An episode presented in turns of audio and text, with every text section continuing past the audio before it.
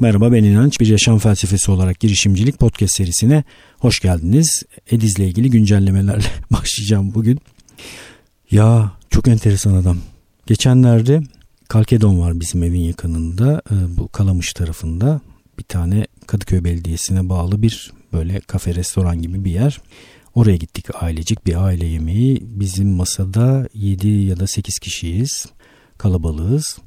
Yemek yiyoruz. Ediz'e de taze sıkılmış portakal suyu söyledik. Onu içiyor.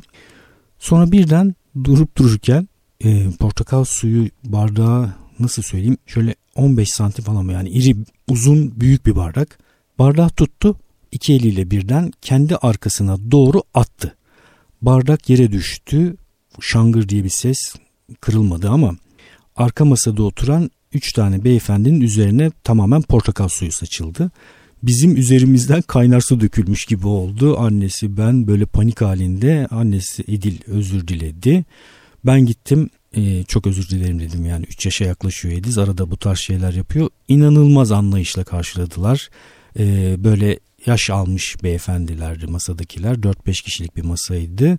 E, içlerinde daha önce çocuk yetiştirmiş olanlar vardı diye tahmin ediyorum. Ancak çocuk yetiştirmiş birisinin anlayabileceği bir şey. Yani şuraya doğru biz beyzbol sopasıyla birbirimize dalabilirdik. Benim beyzbol sopam yok ama yani öyle bir kavga. Eğer onların da benim de beyzbol sopamız olsaydı ve böyle zarif bir karşılaşma olmasaydı beyzbol sopalarımızı birbirine çarpardık en azından yani minimumda. Efsane bir şey. Böyle bir şey yaptı. Portakal suyunu komple attı arkasına. Ee, daha önce başka bir şey yapmıştı evde. Ee, içtiği su bardağını çat diye böyle arkaya attı. Ee, yine yakın dönemde o kalkedon yemeğinden sonra yine biz de arkadaşlarla birlikte hep birlikte yemekteyiz. Önündeki porselen tabağı tuttu ve yine arkasına attı. Bu sefer tabak tamamen kırıldı. Bu aralar bunu yaşıyorum. Ee, yaşanabilecek bir şey olduğunu da biliyorum. İşte o dönemlerde çocuklar neleri test edebiliyorlar? Yer çekimini test edebiliyorlar. Yani attığım şeyler düşüyor mu? Düşünce ne oluyor? Sizi test edebiliyorlar. Yani bunu evde attım biraz canları sıkıldı. Kalabalık ortamda atınca ne oluyor acaba? Böyle enteresan tipler bu çocuklar. Yani test ediyor. Şimdi biz yer yer sesimizi yükselterek ve canımızın sıkıldığını belli ederek yaklaştık tabii ki. Yani en nihayetinde kahkahalarla gülerek ve eğlenerek yaklaştığımız bir şey olmaması gerekiyor. İki yaşa kadar kahkahayla karşılıyordum ben tabii ki bu tarz şeyleri. Şimdi artık yaptığı eylemlerin sonuçlarıyla ilişki kurabilmesi için eğer yaptığı şey çok can sıkıcı bir şeyse e, bu konudaki bizim tadımızın kaçtığı yönündeki bir geri bildirimin ona gitmesi önemli. Çocuğa tabii ki bağırmak, çağırmak, yüksek sesle sinirlenmek gibi şeyler doğru değil. Sonuç da alamazsınız zaten. Hala 3 yaşa kadar en çok çalışan strateji sönümlendirmek, e, sahne oluşturmamak o tarz kötü davranışlara, çok altını çizmemek, e, çok vurgulamamak, aşırı yapma yapma yapmalarla gitmemek, mümkün olduğunca anlatmak. Ben de anlattım Ediz'i kucağıma aldım Kalkedon'da. Bak dedim Ediz şimdi döküldü. Ee, oradaki abilerin üzerine sıçradı. Biraz üzer, üzerleri kirlenmiş oldu. Biraz canları sıkıldı. Ediz bir yandan bana şunu anlatıyor. Bu tarafa bu taraftaki abilerin üzerine bir şey olmadı ama dedi. Evet dedim. Niye dedi diye sordum. Çünkü ben o tarafa atmadım dedi. evet burada mantık gayet iyi çalışıyor. Yani baksana ya konuştuğu şeye bak yani. E, ne olmuş yani? Ha şunu konuşuyoruz hangi taraftaki abilerin canı sıkıldı yani mantık açısından Ediz'in bardağı attığı yöndeki abilerin canı sıkıldı. Gayet mantıklı çocuk yani. Böyle bir şey yaşadık. Yaşıyor olabilirsiniz 3 yaş civarında böyle şeyleri. Sakin kalıyoruz, soğukkanlılığımızı koruyoruz. Çoğunlukla bir süre sonra sönümlenip yok olacak şeyler. E, tabii tadınız kaçmışsa tadınızın kaçtığını e, gösterebilirsiniz aşırıya gitmeden. Ürküterek, korkutarak, e, ket vurarak yaklaşmayı doğru bulmadığımı daha önce söylemiştim. Sizin çocuk yetiştirme anlayışınızı tabii size bırakıyorum. Orada herkes kendisi e, bence şu şartla okuyarak, araştırarak, bir yerlere dayandırarak kendine bir tarz geliştirebilir. Benim tarzımı daha önce söylemiştim yine söyleyeyim. 0-3 e, yaş arasında çocuğun isteğini, iradesini, deneme iştahını, oynama iştahını, merakını kırmamaya, iradesini kırmamaya çalışarak bir yön tutturmaya çalışıyorum. Bizi çok yıpratan, daha zorlayıcı bir yön ama e, Ediz'de tercihleri olan, e, bu tercihleri dile getiren, isteklerini ifade eden biri olarak yetişiyor. Bu tabii dediğim gibi bizi zorluyor ama biz bu zorlu yolu tercih ettik. Türkiye için, dünya için böyle bir insan türünün daha doğru olduğunu düşünüyorum. Türkiye için hele yani otoriteye boyun eğen, otoritenin her dediğini yapan, otoriteden ürken, korkan bir çocuk tarifi bize hiçbir zaman uymadı, uymayacak. Ben de İdil'de böyle yetişmedik zaten. Böyle çocuklar yetiştirmek de istemeyiz. Kendi canımız sıkılsa da mümkün olduğunca buna işte böyle arada şimdi anlatırken en azından gülebiliyorum. Gerçekten efsaneydi çünkü yani bir koca portakal bardağı böyle cof diye saçıldı efsane bir görüntüyle. Koca porselen tabak ortadaki oluşan şeyi durumu görmenizi isterim. Bütün etraf masadaki yetişkinlerin gözleri kocaman açılmış durumda. Bir yandan bize bakıyorlar çocuk yetiştiren insanlar onlar da bu arada tabii ki yani ne yapacaksın ki diye bakıyorlar. Ee, daha önce anlatmıştım ben şeyi çok severim Louis C.K.'yi. Onun çocuklarıyla ilgili yaşadığı maceraları da anlattığı şeyler vardır. Orada bir stand-up'ında şöyle bir şey anlatmıştı. Eskiden markette çocuğum olmadan önce markette yere yatıp yerleri tekmeleyen, bağıran, çağıran çocukları gördüğümde vah vah çocuğa bak yani hiç kim bilir ne yapıyor annesi babası e, ilgilenmiyorlar isteklerini yerine getirmiyorlar diye düşünürdüm. Şimdi ise şöyle düşünüyorum çocuk yaptıktan sonra diyor vay canına ya kim bilir adama kadına neler çektiriyor bu çocuk acaba neler yaşıyor bu anne ve baba diye düşünüyorum diyor. Enteresan ancak yaşayan bilir zor ama güzel. Bir yine bu aralarda öğrendiğim bir terimi de çok sevdim. Conversation İngilizce karşılıklı sohbet muhabbet. E, Amerikalılar galiba geliştirmiş. Conversation diye bir terim. Mam anne. Annelerin yürüttüğü sohbet gibi düşünebilirsiniz. Şöyle tarif ediyorlar. İki tane anne konuşurken niye bunu anne üzerinden yapmışlar bu arada? Onu bilmiyorum yani. Babalar da böyle şeyler yaşıyorlar. Şöyle tarif ediyorlar. İki anne sohbet ederken bir tanesi çocuğuna diye bir şey söyleyip sonra konuşmaya kaldığı yerden hiçbir şey olmamış gibi devam edebiliyor. Bu yeteneğe conversation diyoruz diye bir tarif getirmişler esprili bir tarif. Çok nasıl anlatayım o duyguyu? Arada dişlerinizi sıkarak konuşma ihtiyacı doğurur çocuk zaman zaman sizden. Yani tarifi kolay değil.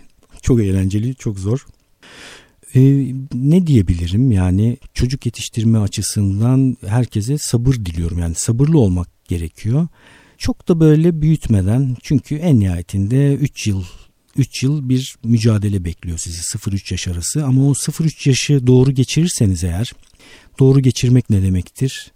Bol bol konuşarak, bol bol ona hikaye anlatarak, ona soru sorarak, isteğini, iradesini kırmadan, özellikle 0-2 yaş arası duyularını bolca çalıştırarak, ne bileyim 6 aya kadar poşet hışırtısı, e, ayağına bir şeyler değdirmek, eline kumaş vermek, bir şeylerin sesini çıkarmak, e, kumsalda taşları birbirine vurmak.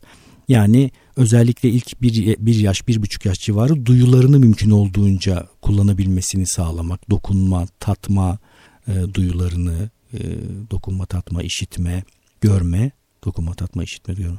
Beşinci duyu neydi? Görme, tatma, dokunma, işitme, ha koklama. Bunların hepsini mümkün olduğunca aktive etmeniz gerekiyor. 3T yaklaşımını daha önce podcast'te anlamıştım. Onu tekrar dinleyebilirsiniz. 3T yaklaşımına uygun olarak yani bolca konuşacaksınız, sıralı olarak konuşacaksınız ve eşleşeceksiniz, ton tutturacaksınız. Bunlara dikkat edip isteğin iradesini kırmadan oynamasına, denemesine fırsat vererek 3 yaşı atlattığınızda sonrası biraz daha kolay. Bize söyleyenler sonrası da zor diyor ama ben ona inanmıyorum artık. Daha kolaydır herhalde. Çok yoğun çalışan anne babalara da bir dipnot geçelim. Aşırı yoğunsunuz, işten geliyorsunuz, çok az vaktiniz var. Kaliteli vakit geçirecek çok vaktiniz yok. Minimumda yarım saat çok kaliteli vakit geçirmeniz bile her gün oynamanız yeterli. Başka hiçbir şey yapmasanız bile eşlerden biri çalışıyor diyelim ki yoğun olarak yarım saat çok kaliteli vakit geçirmesi. Özellikle oynaması. Başka ekstra bir şeye gerek yok. Oynamanız bile yeterli. Çocuğunuz 6-7 yaşındaysa da büyükse de yine aynı şeyi yapabilirsiniz. Çok yorgun bile olsanız sizin de keyif aldığınız bir oyunu onunla birlikte oynadığınızda şuna dikkat edin. Bunu eğer çok sık yapamıyorsanız bir yapın. O yarım saati geçirirken gözlerin içine bakın pırıl pırıl olduğunu göreceksiniz. Yani inanılmaz keyif aldığını göreceksiniz. Siz de işte o gözdeki pırıltıdan ve o inanılmaz keyiften onları okumaya başladığında keyif almaya başlayınca o zorlu olan yorgun halde oynanan oyunlar sizin için de keyifli hale geliyor. Tavsiye ettiğim şeylerden bir tanesi en önemli şeylerden bir tanesi bu. Ediz'in saklambaç raporunu da vereyim. Hala saklambaçı saklambaç dışı bir şey olarak oynuyor. Ayakları kocaman gözüktüğü halde perde arkasına saklanıyor. Saklandığı yerden yer değiştirmeden bir daha oynayalım deyip aynı yerde devam edebiliyor. Çok ilginç işte yani yakalamacı oynarken çok heyecanlanıyor. Yakalamacı oynamayı çok seviyor. Günlerimiz böyle eğlenceli, keyifli bir şekilde geçiyor. Ediz raporumuz bu kadar. Şimdi bir e, e-postadan bahsedeceğim. Dinleyicilerden birinin e-postası Eray. Soy ismini kullanmıyorum. Eray'ın bir e-postası. Çok hoşuma gitti benim e-posta. Merhaba İnanç Bey demiş. Beni uzunca süredir dinlediği halde siz ve İnanç Bey demesine gerek olmadığını bilerek yine de kendine engel olamıyor bazı insanlar. Olabilir. O kadar da zorlamaya da gerek yok. Benim ismim Eray. Nasılsınız? Umarım her şey yolundadır. Size daha önce web siteniz üzerinden bir mail attım. Ee, demiş ama cevap gelmedi. Bu nasıl sistem arkadaş ya demeden tabii ki olabilir dedim ve hemen dışsal odaklı olmayıp ha pardon mail listesine kaydolmama rağmen e, bana mail gelmedi diyor. Bir süredir mail göndermiyorum o nedenle yakında başlayacak. E, bu nasıl sistem arkadaş ya demeden tabii ki olabilir dedim ve hemen dışsal odaklı olmayıp ben bu film ve kitap isimlerini nasıl alabilirim? Ne yapmalıyım da bu kitap ve film listelerini alayım diye düşünmeye başladım. Smiley gülümseme göndermiş. Bu sizin eseriniz demiş. Valla gerçekten bu kadar basit bir örnekte bile işe yarıyor.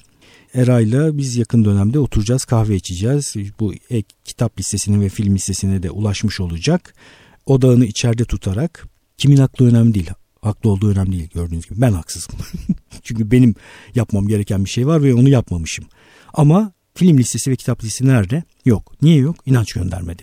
Kim haksız? İnanç haksız. Film listesi nerede? Kitap listesi nerede? Yok. Bu döngüden çıkmanın yolu nedir? Ben ne yapacağım da bu listeyi e, elde edeceğim diye düşünmektir. Eray da öyle yapmış. Çok teşekkür ediyorum kendisine. Bir de burada örnek olduğu için de teşekkür ediyorum. Bu içsel ve dışsal odaklı olma meselesine çok basit bir örnek. Hayatın birçok noktasında ben de kendime uygulamaya çalışıyorum bunu çok rahat bir şekilde dışsal odaklı olmaya doğru hızlıca kayabiliyor insan. Ama bir kere bu kavramı öğrendikten sonra da insan kendine de yediremiyor değil mi? Yani siz de bunu yaşıyorsunuz artık. Yani bile bile de lades olmuyor en azından dışsal odaklı davrandığınızda bunu iç sesiniz size söylüyordur artık. Bak yani şu an dışsal odaklı davranıyorsun diye. Kendisi Sağlık Bakanlığı'nda çalışan biri sabaha kadar sistemin bütün sorularını anlatabilir ancak listede tek bir eksik vardır. Kendisi yoktur cümlelerini duyar duymaz size yazmaya karar verdim diyor. Ve benimle bir takım kararlar almak üzere, girişimler yapmak üzere bir noktada hayatın içerisinde fikir almak üzere bir kahve içmek istiyor. Dediğim gibi Eray'la güzel bir kahve içeceğiz ve film ve kitap listesine de kendisi ulaşmış olacak. Ee, sizlerden gelen bu tarz e-postalarda ben mümkün olduğunca eğer fırsat olursa aynı şehirdeysek faydam olacağını düşünürsem oturup kahve içip fikir vermeye çalışıyorum. Ee, buna fırsatınız yoksa yazılı olarak da sorabilirsiniz. Hiç böyle ya işte bu çok basit bir fikir, çok basit bir girişim. Bunu da sorsam mı, bu da sorulur mu diye düşünmeyin. Merak ettiğiniz her şeyi sorabilirsiniz. Sonuna sadece not düşün. Benim söz etmemi isteyip istemediğinizi ya da bahsedebileceksem ne kadarından bahsedebileceğimi söyleyin. Ona göre ben zaten sizin bu yönergenize göre hareket ediyorum. Ya size doğrudan cevap yazarım ya hem size cevap yazar podcast'te paylaşırım ya da podcast'te paylaştıysam sadece size bu şeyi podcast'te paylaştığımı söylerim. Böylece e, herkes açısından faydalı bir şey yapmış oluruz. Evet şimdi biraz e, bahsetmek istediğim şey kafa karışıklığı meselesi. Kafa karışıklığı durumlarında e, nasıl hareket etmek gerektiği üzerine biraz konuşmak istiyorum. Niye kafa karışıklığı oluşur? Önce bir, bunu düşünelim, bunun üzerine düşünelim. Çoğunlukla insanın eylemleri ile hedefleri, amaçları, istekleri örtüşmemeye başladığında bir hoşnutsuzluk oluşur ve bir kafa karışıklığı olmaya başlar. Bununla ilgili benim önereceğim yol şu olacaktır böyle kafa karışıklığı durumlarında. Biraz şöyle düşünmeye çalışın. Yaptığınız, ettiğiniz bir takım işler var, eylemler var, hareketler var. Ürettiğiniz bir takım sonuçlar var. E, fırsat maliyeti konusundan bahsederek açayım bunu biraz. Fırsat maliyeti dediğimiz bir kavram vardır ekonomide. Yine çok güçlü fikirlerden bir tanesi. Bilenler olabilir bilmeyenler için anlatayım. Fırsat maliyeti ne demektir? Siz herhangi bir karar aldığınızda, herhangi bir şey yaptığınızda o şeyi yapmak nedeniyle, o kararı almak nedeniyle seçmediğiniz ve yapmadığınız şeylerin oluşturduğu maliyet fırsat maliyetidir. Yani örnek vereyim siz haftada 3 gün spor salonuna gidip spor yaparak bir şey elde ediyorsunuz. O 3 gün yapmadığınız, yapamadığınız, o şeyi yaptığınız için yapamadığınız bir takım şeyler var. Burada da kaçırılmış bir fırsat maliyeti var. Her zaman ama her zaman fırsat maliyeti olacak. Bütün mesele nedir? Bu karşılaştırmayı zaman zaman yaparak seçtiğinizin getirisiyle kaybettiğinizin götürüsünü terazinin kefelerine koyarak işlerin yolunda olup olmadığını kontrol etmeniz lazım. Yani yapmakta olduğunuz şeyler yerine başka şeyler yapıyor olmak acaba daha mı mantıklı? Bu konuda zaman zaman tekrar düşünmeniz lazım. Daha önce söylemiştim. En nihayetinde biz, bizler bir şeyleri belli bağlamlarda, belli çerçevelerde ve belli tarifler içerisinde yaparız. Burada eylemi değiştirmeden aynı eylemi yaparak sadece bağlamı ve çerçeveyi değiştirerek bile çok ciddi fırsatlar oluşturmak mümkündür. Bir örnek vermiştim. Sokakta müzik çalarak para kazanıyorsunuz. Kendinize böyle bir hayat kurdunuz. Ya da bir kafede, bir caz kafede müzik yapıyorsunuz. Eylemler aynı ama getirileri, yaşam tarzları bambaşka. Bu karşılaştırmayı yapıp sokakta müzik yapmayı bütünlüklü olarak kendiniz için daha doğru buluyorsanız bu kararı alabilirsiniz. Ama bu iki şeyi düşünmeden buradaki fırsat maliyetlerini karşılaştırmadan karar alıyorsanız işte o zaman biraz e, karambolde bir karar almış oluyorsunuz. Kararların kendilerini yüceltmiyorum ya da eleştirmiyorum. Sadece şunu söylüyorum tekrar edeyim. Aynı eylemleri yaptığınız halde sadece bu eylemleri nasıl tarif ettiğinize bağlı olarak o şeyin getirisi de değişecektir. Maddi ve manevi getirisi değişecektir. Hangi insanlarla birlikte o şeyi yaptığınız, hangi pazar için o şeyi yaptığınız, hangi mecrada o şeyi yaptığınız. Örnek bir örnek daha vereyim. Özel ders veriyorsunuz. Diyelim ki matematik öğretiyorsunuz. 10 tane öğrenciniz var. Eylem ne? Bir öğrenciye matematiğini daha iyi hale getirmek üzere ders vermek. Aynı eylemi yaparak yani matematik dersi öğreterek, matematik dersi vererek ve insanların matematiklerini iyileştirerek bu tarifi değiştirdiğimiz anda mesela bir dijital projeye dönüştürdüğünüz anda e, bunu yapan öğretmenler var. Sosyal medya aracılığıyla, internet aracılığıyla 10 e, tane öğrenci yerine 10 bin tane öğrenciye ulaşıp birden bir kaldıraç gücü oluşturup eylemler aynı sadece tarif farklı. Zaten iş modeli düşüncesi de bize bu tarifleri düşünmek üzerine bir e, disiplin getiriyor. Yani iş modeli düşünürken biz hangi eylemleri hangi çerçevelerde ve kim için, hangi pazarlar için yaptığımızı düşünüyoruz aslında. Türkiye için düşünün. Bir girişimsiniz. E-ticaret işi yapıyorsunuz. Türkiye pazarında belli bir alanda, niş alanda Türkiye içerisinde bir takım ürünleri e-ticaret olarak satıyorsunuz.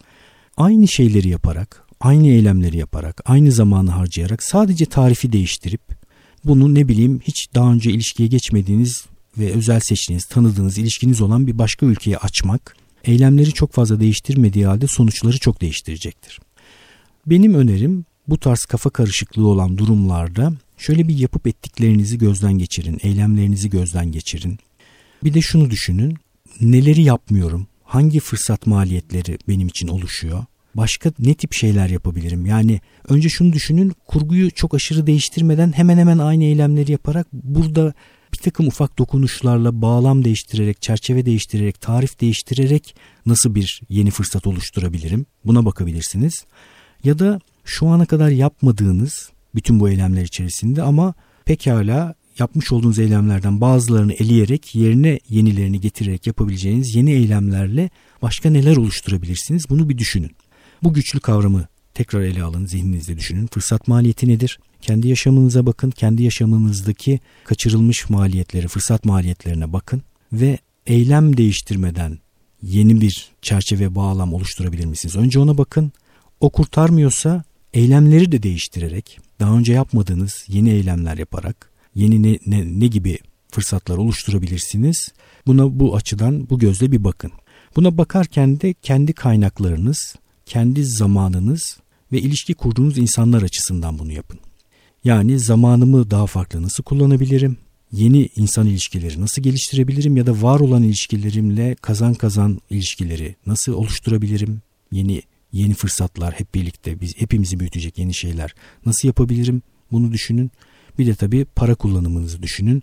Paranızı kullandığınız şeyleri düşünün. Bu şeyler de yine fırsat maliyeti oluşturur. Yani satın aldığınız herhangi bir şey aslında satın almadığınız başka şeyler demektir.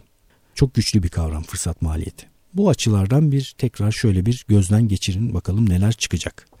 Evet benim için yine çok keyifli bir podcast kaydı oldu. Umarım sizler için de öyle olmuştur. Görüşmek üzere.